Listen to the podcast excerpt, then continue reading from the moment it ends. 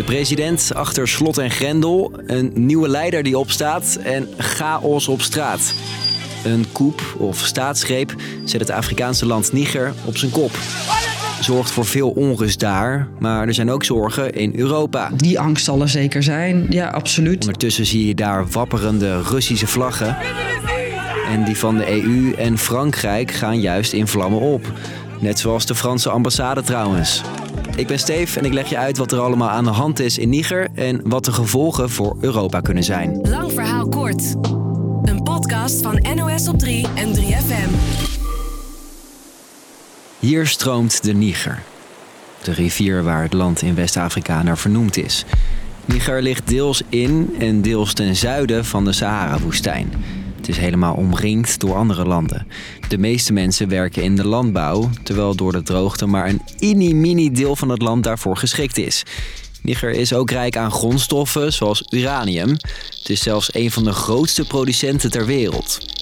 Het is sowieso een land van extreme cijfers.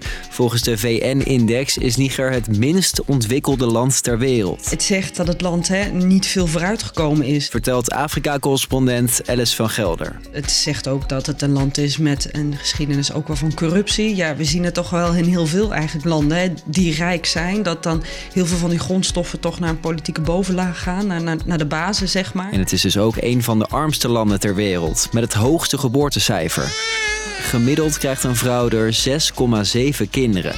Daardoor is de bevolking hartstikke jong. De helft is onder de 15. De Fransen zijn van 1900 tot eind jaren 50 de baas.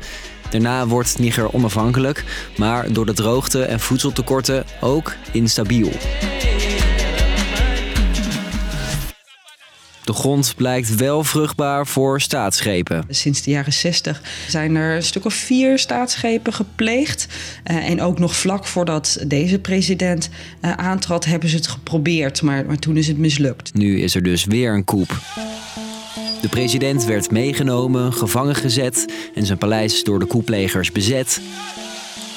Toen zijn ze op televisie verschenen. Dat zien we eigenlijk bij alle staatsschepen. Hè. Dat is de manier dan. Dan ga je op de staatstelevisie uh, in je militaire pak en dan vertel je van nou, wij zijn nu de baas.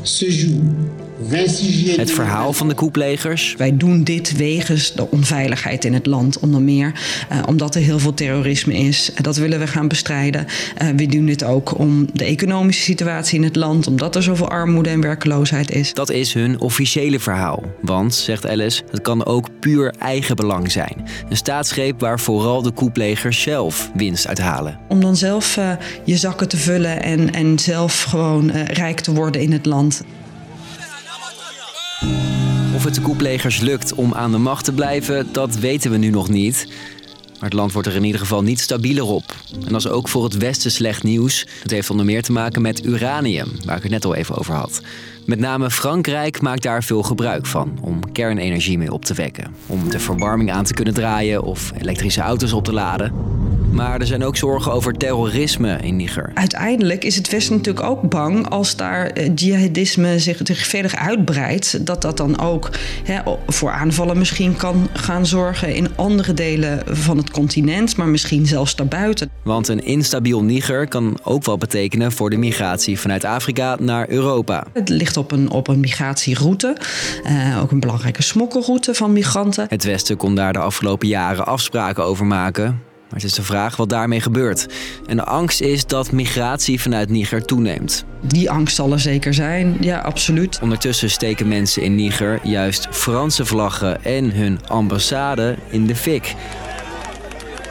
Frankrijk, dat lang de baas was in het land, heeft te weinig betekend voor Niger, zeggen zij. Het is nog steeds onveilig, we zijn nog steeds arm. En uh, ja, Frankrijk uh, die wordt een beetje gezien als, als boosdoener. Ondertussen lijkt Rusland juist te profiteren van de onrust. Zij stappen graag in het gat dat het Westen misschien achterlaat. Uiteindelijk zijn die natuurlijk wel uh, op zoek naar hun, hun eigen, eigen belang. en dat gaan dan om het halen van, van goud, van uranium, van diamanten.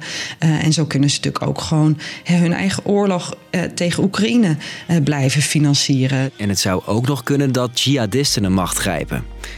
Eén ding is zeker. De burgers gaan uiteindelijk hier de, de grootste slachtoffers van zijn. Het leven zal er zeker niet beter op worden. Dus, lang verhaal kort, een koepoging zet het Afrikaanse land Niger op zijn kop. De president van het land zit achter tralies en het is nog maar de vraag wie daar straks de leiding heeft.